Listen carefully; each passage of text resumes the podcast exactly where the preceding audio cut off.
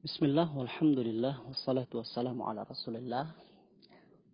Pertanyaan berikutnya, ya, apa hukum sholat di rumah dan meninggalkan sholat berjamaah di masjid?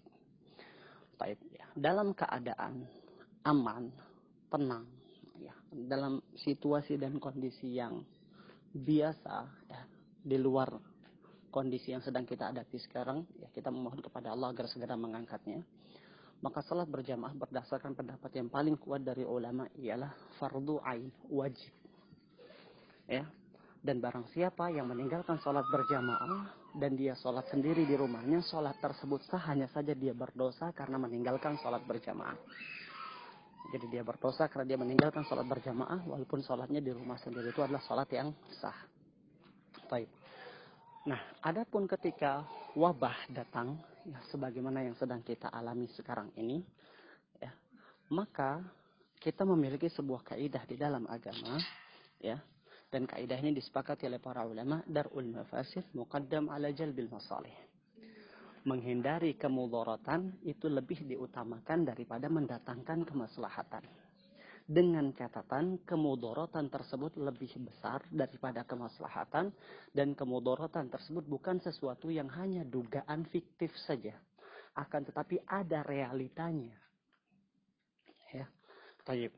berdasarkan kaidah yang telah disepakati oleh para ulama ini ya begitu pula berdasarkan hadis Nabi Shallallahu alaihi wasallam la wa la dirar tidak boleh bagi seseorang untuk memudaratkan dirinya sendiri dan tidak boleh baginya untuk memudaratkan orang lain.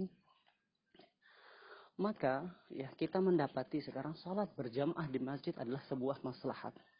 Yang barang siapa yang melakukannya maka ia telah berusaha merealisasikan sebuah maslahat. Nah, adapun sholat di rumah dalam keadaan wabah ya ada sebuah kemudaratan yang hendak kita tinggalkan yaitu peluang untuk menularkan atau tertular virus yang ya sangat cepat ini, ya sangat cepat penularannya ini. Sementara kaidah tadi mengatakan apa? Menghindari kemudorotan lebih diutamakan daripada mendapatkan atau merealisasikan sebuah maslahat. Nah, berdasarkan kaidah ini, boleh bagi kita untuk ya, sholat di rumah masing-masing, ya jika terdapat kekhawatiran bahwasanya kita akan menularkan atau ditularkan oleh orang lain, terhadap virus COVID-19 ini. Dengan catatan, ya, kekhawatiran tersebut ialah kekhawatiran yang nyata. Ya. Prasangka yang dekat dengan kebenaran walaupun belum pasti terjadi.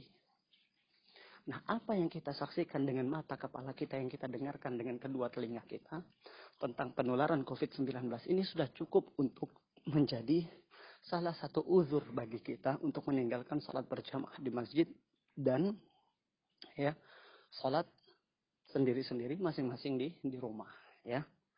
Nah ini yang pertama. Jadi sholat berjamaah di rumah atau sholat masing-masing di rumah itu lebih diutamakan. Apalagi apalagi sudah ada himbauan dari pemerintah ya.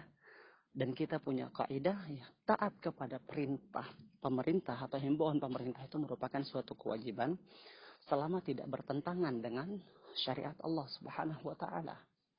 Nah, jelas di sini apa yang dihimbaukan oleh pemerintah kita tidak ada pertentangan dengan syariat Allah sama sekali.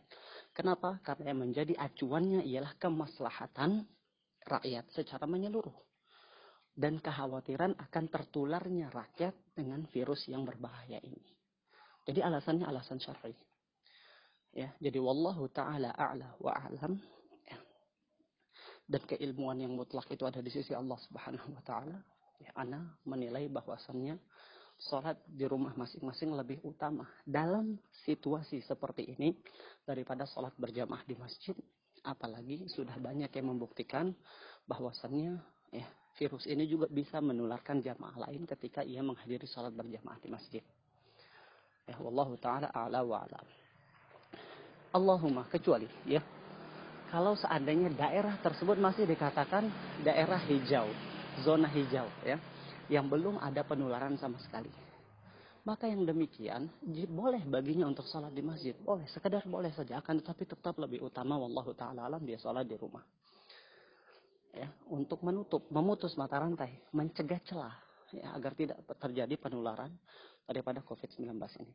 Adapun yang berada di zona merah, maka mengikuti himbauan pemerintah ialah sesuatu yang sifatnya wajib. Ya, maka ya dalam hal seperti ini seharusnya kita membantu pemerintah kita yang mana arahan tersebut kembali masalahnya kepada kita semua. Allah taala a'la wa a'lam.